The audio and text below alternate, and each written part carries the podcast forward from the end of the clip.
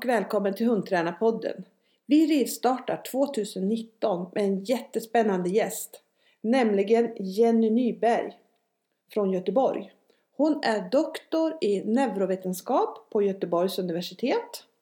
Och hon forskar om hjärnan, om människans hjärna.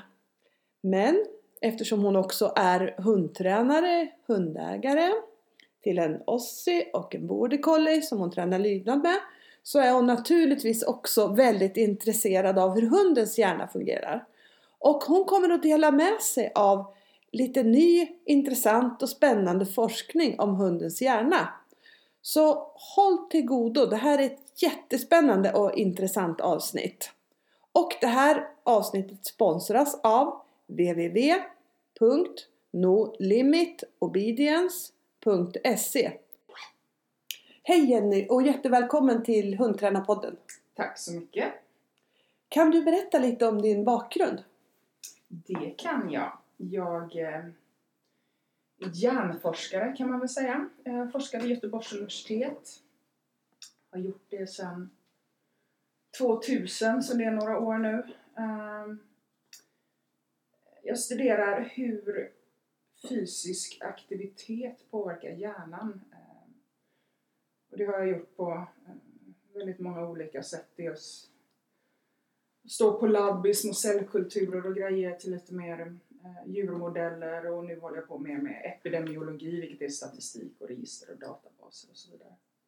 Men jag kollar på eh, allt bra som kan hända i hjärnan av att vi faktiskt rör på oss och det är någonting som gäller både oss människor och djur och även hundar.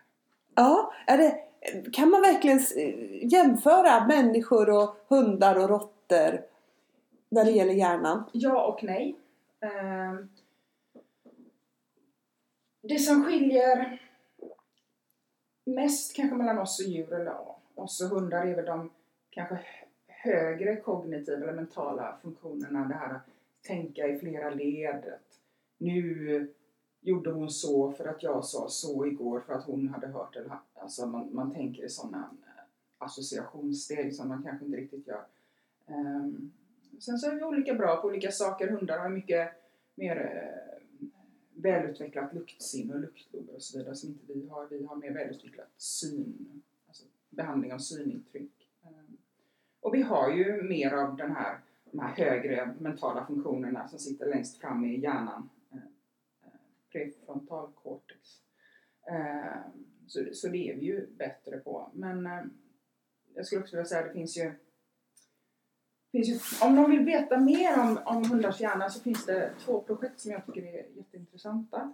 Ehm, Dog Project tror jag det ena heter och Family Dog Project heter det andra. Det ena är Ungern, Mikloshi tror jag han heter och det andra är i USA, Burns. Ehm, de gör funktionell magnetröntgen på hundar. Ehm, det är studier där man kan se om hunden gör så här, vilka delar i hjärnan aktiveras eller blir aktiva. Och, och man har säkert, ni har säkert sett de här röntgenbilder av människor, ehm, bilder som är, man ser en hjärna så lyser det rött på vissa ställen eller grönt och gult och sådär. Man har inte kunnat göra det på hundar innan för att de ska in i en ganska avancerad röntgenapparat och så låter det jättemycket så de har blivit väldigt stressade och sådär. Man kan inte söva hunden för att då får man inga responser. Nej, just det. Eh, men de har tränat det så de har byggt så attrapper av magnetröntgen och haft hemma och tränat dem i klickerträning. Det finns jättemycket Youtube-klipp och så man kan se hur de har tränat hundarna. Så de är helt coola med att ligga där. Och då har de eh, utsatt hundarna för olika saker. Alltså utsatt och utsatt men se om det är skillnad om man får se en känd person, en okänd person, en känd hund, en okänd person, godis eller leksak eller eh, om en känd person, deras ägare försvinner, hur de känner och så vidare. Eh, och, och, det finns eh, massa artiklar att läsa där nu. Eh, men som en jättestor global slutsats av det där är ju att det är likt hundars mentala förmågor och känslor varenda studie som kommer så känns det som att det bara bekräftar att vi är mer och mer lika när det gäller det. Och inte alls, hundar är inte alls så här operanta små robotar som bara svarar på stimuli och gör det som belönar sig utan det finns jättemycket känslor involverat och, och eh, förstår nog bra mycket mer än vad vi tror. Så är man intresserad så rekommenderar jag att följa det där. Det går att googla fram. Ja, ja. ja, det är ju jätteintressant och det här är väl kanske någonting som alla vi hundägare haft på känn väldigt Precis, länge men har blivit precis. lite fånförklarade för. Att vi tycker att våra hundar har känslor och Mm. förstår mer än vad vi Mm. tror. Så att det är ju väldigt spännande att man har börjat forska på det här på ett helt annat sätt nu Det är jag. absolut. Men hur påverkar det här med känslor då inlärningen hos hund? Ja, det, det påverkas eh, Eh, väldigt mycket av känslor både för hundar och för oss människor. Det är när vi lär oss någonting, eh, eller när hundarna lär sig någonting också, så är det ju oftast ett intryck som kommer utifrån miljön, antingen via syn eller hörsel eller känsel kan det vara också. Eh, då åker den informationen, blir först ett väldigt kortvarigt minne men sen så blir det ett korttidsminne inne i eh, hjärnan. Och då eh, en struktur som heter hippocampus som är eh, väldigt viktig för minne och inlärning. Som blir mycket bättre av fysisk aktivitet förresten. Men eh, eh, den är som en relästation lite grann. Det är inte där vi lag, eller man lagrar minnen utan det är, det är den som bestämmer om det här korttidsminnet ska lagras som ett långtidsminne inne i hjärnbarken sen. Och när den tar det beslutet så tar den information ifrån vilka liknande händelser har skett, eh, timing, eh, hur individen, hunden mår, andra känslor associerat. Så den gör som en liten en kontext, som en liten bild och sen bestämmer den, hmm, är det värt att lagras eller inte? Och så lagras det. Här spelar känslor en jättestor roll. Så i och med att det alltid, när minnesinlagringen går alltid via känslolägret eller amygdala eh, så kommer känslor kommer alltid påverka inlärning. Det är alltid nästan överordnat. Ehm, och vad man kan se också om man jämför yngre individer med äldre individer, att hos yngre individer är det här ännu starkare eh, känslor kopplat till inlärningen hos äldre individer för att äldre individer har, har erfarenheter av liknande händelser och, och har ja, mer andra liknande händelser att relatera till medan det är mer nytt hos de nya. Så att, hos våra unga hundar är det väldigt, väldigt viktigt att tänka, det är alltid viktigt att tänka på känslor men hos de unga hundarna är det extra viktigt att tänka på känslor ihop med nyinlärning. Ja. Eh, Så det är definitivt någonting att tänka på. Men vad finns det mer för saker som påverkar inlärningen? Ja, eh, allt skulle jag vilja säga. Eh, det finns många saker som påverkar inlärningen. Eh, förutom känslor. Eh, fysisk aktivitet är en sån sak eh, som man har sett i många studier eh, förbättrar inlärning. Eh, sen finns det negativa saker som stress och så vidare som, som är väldigt negativt för inlärning. Sen så beror det lite grann på om man kollar på inlärning korttids eller hur, hur länge det sitter. Eh, Det finns en studie som där man har eh, eh, man tränade hundar i, i, i någonting nytt. Eh, I det här fallet var det att de skulle kunna lära sig sittlig på ett nytt språk för dem. För människorna då, hundarna har väl sitt språk. Och sen så i anslutning till det så då delades hundarna in i fyra grupper. Så den ena gruppen fick gå och lägga sig och sova. Den andra gruppen fick gå ut och gå. Eh, den tredje gruppen fick eh, lära sig någonting annat, alltså nyinlärning på en ny sak. Och den tredje gruppen fick eh, ligga och leka lite med en kong, inte jätteaktiv lek utan mer ligga och nojsa med den här kongen. Och sen så kollade de hur inlärningen var av den här sittlig på det nya språket ganska direkt efteråt och så en vecka senare. Och vad man kunde se vad som hade positiv effekt på inlärning både direkt efter och efter en vecka var eh, hunden som har varit ute och gått och eh, hunden som hade lekt. Eh, även eh, sova till viss del, inte lika mycket. Eh, men alltså att, att hunden fick liksom röra på sig men kanske inte så hög mental aktivitet, det var positivt för inlärningen. Men det som hade absolut negativ eh, in, in, effekter på inlärning var att lära sig någonting nytt. Eh, en, en ny sak, vilket tycker jag är lite intressant, är ju för att oftast kanske ett träningspass ser ut så att man om man tränar springa till rutan så gör man det så kanske man tar en kort liten paus på ett par minuter och sen så tränar man signalkontroll på stå, sitt och ligg och sen så tar man en liten paus och så tränar man apporteringar. Eh, att det kanske inte är det optimalaste eh, utan det här med att kampanja någonting då en sak över en tid och sen växla och ha en ny kampanj eh, snarare kan vara eh, mer bättre som den här studien. Det finns även en liknande studie där de eh, gjorde först nyinlärning, de lärde hundarna och eh, ja, objektdiskriminering, att de, de, fick lära sig peka ut vissa objekt och så vidare. Eh, och den ena gruppen fick leka men det var mer en så här aktiv lek där de var mer högaktiva och springa efter frisbee och bollar och sådär. Eh, och de andra eh, fick vila i sin korg. De fick inte sova men de fick vila. Och vad man kunde se var att de hundarna som hade haft den här aktiva leken efteråt, de presterade ungefär 40% bättre än de som fick vila sen när de testade okay. på det här sen. Så vara fysiskt aktiv och blåsa ur sig med en ganska låg kognitiv eller mental aktivering verkar stärka hundarnas inlärning.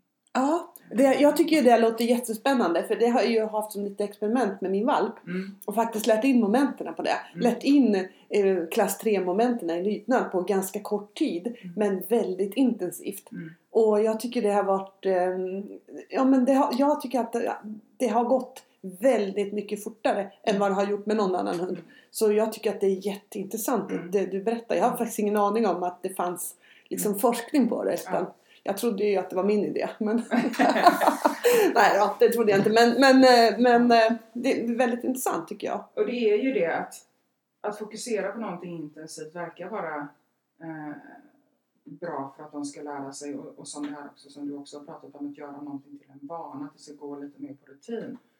Och det visar ju forskning också att om, om man tränar på någonting väldigt intensivt så att det blir som en en, en, en, en, en sekvens, en vanesekvens eh, som görs så krävs så som hjärnan gör inte av med lika mycket energi på det för det går per automatik lite mer. Och det gäller även liksom, ja, men komplexa beteenden som ett, ett, ett Z till exempel är ju ganska komplext. De ska gå vid sidan, ska de göra någonting annat, sätta sig, följa med, stanna, svänga och sådär. Eh, till skillnad mot gå, bara gå. Det är ju ett väldigt automatiserat beteende som man inte tänker på. Men här måste ju hundarna tänka. Och då har man gjort studier när man ser att ett, när ett sådant beteende blir, blir en vana.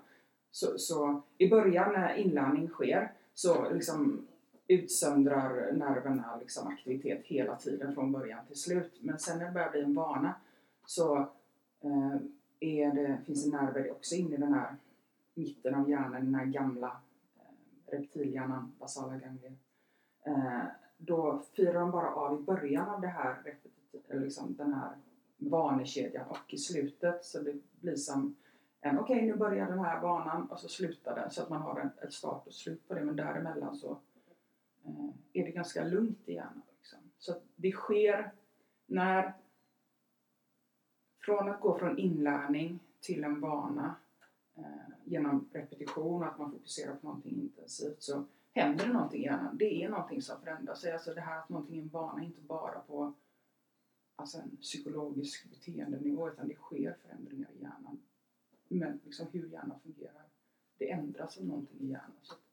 Och, och det är mycket svårare sen att bryta. Så det, Ja, forskningen är oftast, de, liksom, de vill ju oftast inte skapa vanor, man vill försöka ofta, syftet med forskningen är oftast, drar man vanor för långt så kommer vi till OCD eller så här sjukdomstillstånd, alltså obsessive compulsive disorders och sådana som har sådana beteendemönster som de inte kan bryta så de vill liksom hitta saker att bryta vanan men vi som hundtränare vill kanske bygga vanor snarare. ja, ja. Men det är ju samma som gäller. För det är ju en sak som vi också har pratat jättemycket om när vi skrev den här boken Mm. eh, Bäst var dag.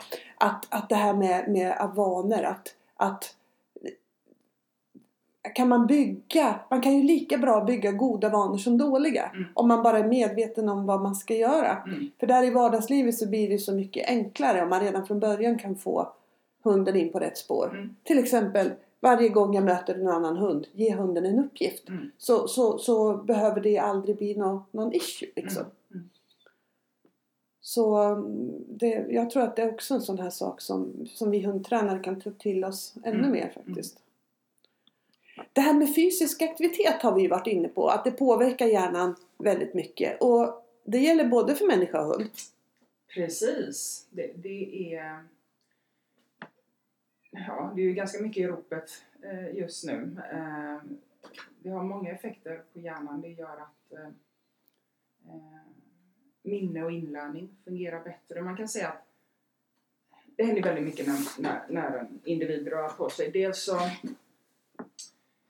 ökar ju blodflödet och hjärtat pumpar och allt sånt där. Och med det så får man ett ökat blodflöde till hjärnan med mer näring och syre som, som krävs för att man ska lära sig saker och så vidare. Men det är nog inte det viktigaste. Det viktigaste är att eh, när, när ett djur eller även vi rör på oss så bildas det eh, ämnen, för superämnen för hjärnan, olika eh, små proteiner och, och, och, och, och saker som är, är väldigt bra för hjärnan. Det gör att reparationsmekanismer i hjärnan blir bättre. Ehm, det gör att saker och ting kan byggas upp och eh, minskar inflammationer som är väldigt negativt för hjärnan. Det händer massa bra saker. Ehm, så vad som händer i, i kan man säga att hjärnan består av massa nervceller som sitter ihop i stora nätverk. De har liksom en cellkropp och så har de massa utskott. Och det gör att de här utskotten blir fler de blir längre. Eh, så att eh, kommunikationen i hjärnan blir bättre. De kopplar, de pratar med fler nervceller helt enkelt. Ehm, man kan se att i vissa delar av områden så bildas faktiskt nya nervceller. Eh, det här var någonting som man inte, och det gäller även hos hundar, eh, det var någonting som man inte trodde för kanske 20 år sedan att hjärnan kan inte bilda några nya nervceller. Och man ser att de nervcellerna där de bildas det är just det här området hippocampus som är så viktigt för minne och inlärning. Det här som var en sån eh, beslutsfattare för vilka minnen vi faktiskt skulle lagra. Eh, de nya cellerna som bildas där är, väldigt viktiga för minne och inlärning. Och när vi rör på oss så bildas det fler. Eh, och det bildas mer utskott och så vidare. Så det händer väldigt mycket positiva saker och man har sett att hos människa så minskar det ju eh, risken att drabbas av depression och risken att drabbas av ångest och andra neurologiska sjukdomar. Stroke, demens och så vidare. Eh, det är kopplat till att man eh, presterar bättre på liksom, IQ-tester, olika inlärningstester. Eh, barn som rör sig i skolan får bättre betyg. Så, så att det är väldigt viktigt. Hundar har inte gjorts lika mycket studier på. eh, Men det har gjorts studier som visar att Eh, hundar som rör på sig mer, de, de eh, får också mindre liksom, som man säger, ångestproblematik, separationsångest och, och så vidare. Eh, så det, det är viktigt för dem och, och det finns mer studier på andra djur råttor, och möss och så i och med att det är försöksdjur där. Där ser man också att det minskar rädslor och att de blir mer frimodiga och vågar mer saker och sådär. Så det är viktigt både för hundar och människor. Eh, för oss människor, eh, för att vi kanske ska klara av att prestera vårt bästa i tävlingssammanhang. Ja. Eh, inte bara i form av kondition och orka stå upp och röra på benen, men, men det mentala, det kognitiva. Att vi ska kunna klara av att fokusera och så vidare.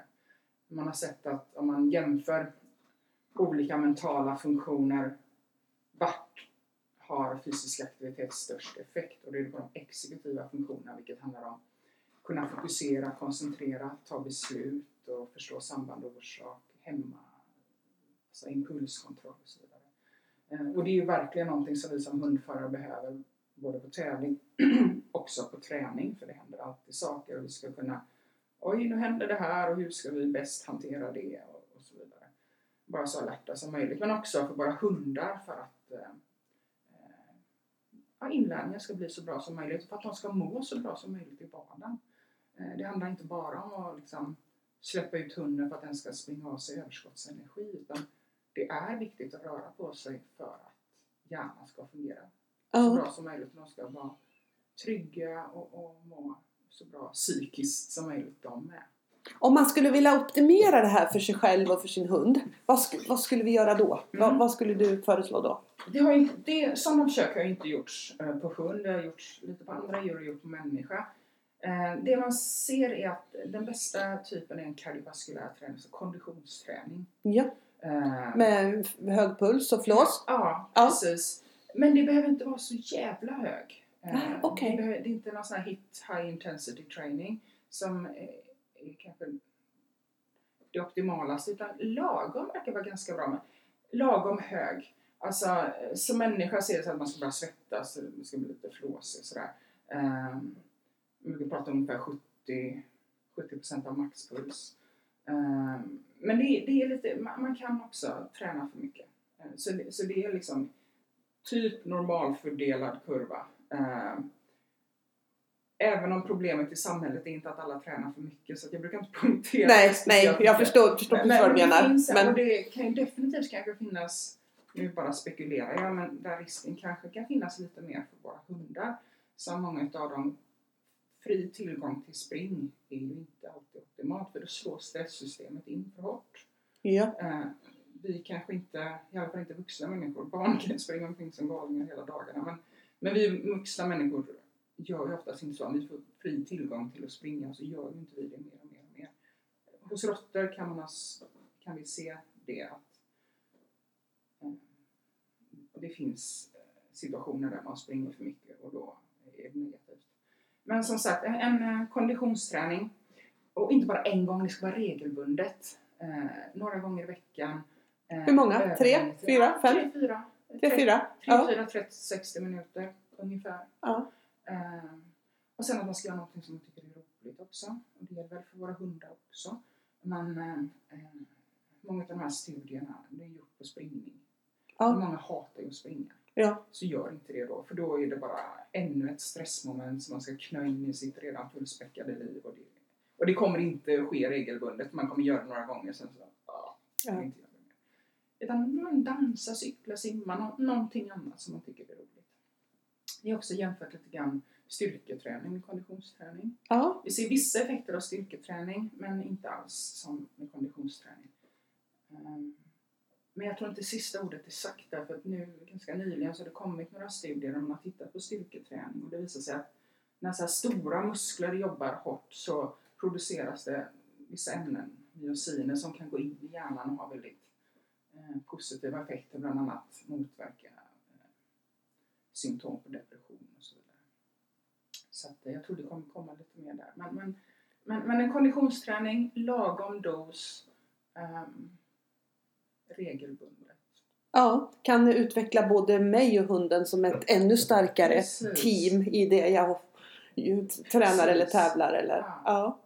Det är ganska intressant och grejen är ju att för oss hundägare så faller det sig ju ganska naturligt enkelt att träna. Det är ju egentligen bara när man går ut med hunden så sätta på sin träningsoverall kanske. Ja. Och, och Och powerwalka istället. Ja, precis. Eh, Behöver inte springa heller. Det finns studier som är gjort bara på liksom, promenader, lite, lite raskare promenader, visar positiva effekter där, också. ja, Eh, Så bara för att man inte liksom Okej, de optimala är på 70% av maxpuls, men bara för att man ligger på 50% av maxpuls är inte det negativt. Det är jättebra det med. ja, ja. Mm. Ja, det är intressant att det ger en sån positiv påverkan Ja, och faktiskt. också det, mycket av eh, studierna med fysisk aktivitet handlar om, ja, förutom rena sjukdomar i hjärnan och så, men utan den psykiska hälsan och, och depression och sånt. Och då finns det ju fler och fler studier nu som visar att fysisk aktivitet faktiskt har bättre effekter än antidepressiva till exempel. Eh, som också har en mängd biverkningar som inte fysisk aktivitet har. Så länge man inte bryter ett ben då kanske. Ja, just det. Men, men eh, eh, så att just på det psykiska välmåendet verkar ha väldigt, väldigt stora positiva effekter. Och det är ju viktigt för ja, både oss och våra djur. Ja. Absolut. Vi har ju varit inne lite på det här med stress. Vad är det egentligen och hur påverkar det? Ja, stress eh, rent generellt är, är ju det långvarig stress är ju inte bra för hjärnan. När man pratar stress så är det ju den här normala som säkert alla har hört att eh, någonting händer. Eh, antilopen på savannen ser ett lejon. Eh, kortisolet eh, i kroppen sätter igång och, och börjar produceras. Man får ökad hjärtfrekvens och eh, musklerna förbereder sig för att fly. fly. Då har du ju det här fight or flight. Eller, eh, som i min situation så verkar det tydligen vara freeze. Jag stötte på vildsvin två meter från mig när jag var ute och gick med hundarna här veckan. Jag kan säga att jag fick varken fight eller flight, jag fick klockren freeze. uh, men uh, uh, så det är ju själva den här normala stressreaktionen som alla har hört talas om. Det är någonting som är viktigt för oss eh, organismer oavsett eh, art. Eh, en, en överlevnadsorganism för att vi ska kunna fly från faror och så vidare. Så det är det man brukar kalla för en positiv stress. Liksom att den är akut och den är kortvarig och den är övergående. Och det som är negativt är vad som händer nu ofta hos oss människor att den här stressreaktionen ökar och ligger kvar på den nivån väldigt länge. Eh, och det är väldigt negativt för vår hjärna. Det gör att eh, den här produktionen av nya nervceller i hjärnan som var bra för minne och inlärning, den produktionen minskar eller avstannar. Eh, hippocampus minskar i storlek och funktionerna blir sämre och så vidare. Eh, så, så det är det som är negativt. Men, men jag kan tycka att in, till viss del i människovärlden, men jättemycket i hundvärlden så man är väldigt, väldigt rädd för stress också. Att, åh nej, nu blev min hund stressad. Ja, eh, det är fullt naturligt. Alltså, det är en biologisk respons. Det, om, jag, om jag leker med min hund, jag leker inte med min hund för då blir den stressad. Eh, ja, den blir stressad, ska den bli, för att det är ett högt en hög, man höjer aktivitetsnivån hos hunden och då ökar stressresponsen. Och studier visar att en viss ökad, den här liksom övergående akuta stressreaktionen, den ökar minne och inlärning. Det är inte negativt, eh, det, det, är positivt för hjärnan. Men det måste också gå ner. Så att den här plötsliga stressen, eller liksom, det, det är inte negativt. Jag tycker att man är lite överdrivet rädd för det. Vi vill inte ha hundar som är som orörliga amöber och tro att de mår bra, för de mår inte bra av det heller. Eh, men sen så är det den konstanta stressen hela, hela tiden som jag till exempel sa innan att djur och jag kan tänka mig hundar också, när de får fri tillgång till att bara springa, springa, springa och inte ha något annat att göra så kommer de bara springa, springa mer och mer och mer och mer. Du har en konstant höjd stressnivå. Det är ju inte... Eh, det är inte optimalt. Nej, nej, det är inte optimalt. De har sett i sådana försök med råttor och att de, de har fri tillgång till springhjul och inte har så mycket annat att göra. Så de bara springer och springer och springer och springer och, springer och, och, och då går de här inlärningsfunktionerna och så ner. Uh, men jag tycker liksom rent generellt så man ska inte vara så himla rädd för stressen. Jag tycker att allting är väldigt just nu att man, man, man är väldigt rädd för stress. Det, det är någonting vi måste ha, både människor och djur. Vi måste ha den det är en naturlig respons och reflex som vi måste ha och det är faktiskt positivt för hjärnan. Vi lär oss mer under ja. en viss nivå av arousal, eller man ska säga, stress. Just det. det tycker jag men, men generellt är det ju negativt för hjärnan att koppla till eh, sjukdomstillstånd och så vidare som, som vi inte vill ha. Men det är just det här långvariga, att det aldrig går ner. Ja, just det. Man måste och, tänka på och där är fysisk aktivitet också Precis, en nyckel va? Ja, ja, och där ser man, det finns ju också studier som visar att eh, fysisk aktivitet kan motverka alla de här negativa effekterna av stress. Så har du en hög fysisk aktivitet, så, eller ett sånt beteendemönster, så eh, klarar du av ett högre nivå stress. Eh, så att du är stresståligare helt enkelt. Ja. Eh, men jag brukar ofta sakta mig, ofta föreläser jag ju för allmänhet eller för företagare och sådär. Så jag försöker att inte framhäva det direkt. Då tycker de att oh, okay, då kan jag ge min anställda träningskort och ska jag fortsätta pusha Ja, just det. Just det finns en anledning till att en, en hund eller en människa är stressad och där måste man jobba med först. Men ja. man kan klara av det bättre om, de har, om man har en bättre kondition. Ja. Eh, finns det någon annan som du skulle vilja höra här i podden? Eh, ja, jag har lite svårt att svara på den frågan. Det finns eh, säkert jättemånga, men någonting som skulle vara lite intressant är i och med att jag själv håller på med forskning, är ju Per Jensen och just det här om hundars känslor och en sammanfattning av, av eh, hans erfarenheter och kunskap kring det. Ja. Det Ja. kul att lyssna på. Eh, jag vill tacka dig jätte, jättemycket. Jag tycker att det har varit ett jättespännande och intressant avsnitt och jag hoppas vi kan få höra mer av dig. Det kan vi, absolut. Jag är bra på att prata. Jättebra! Tack, tack! Tack.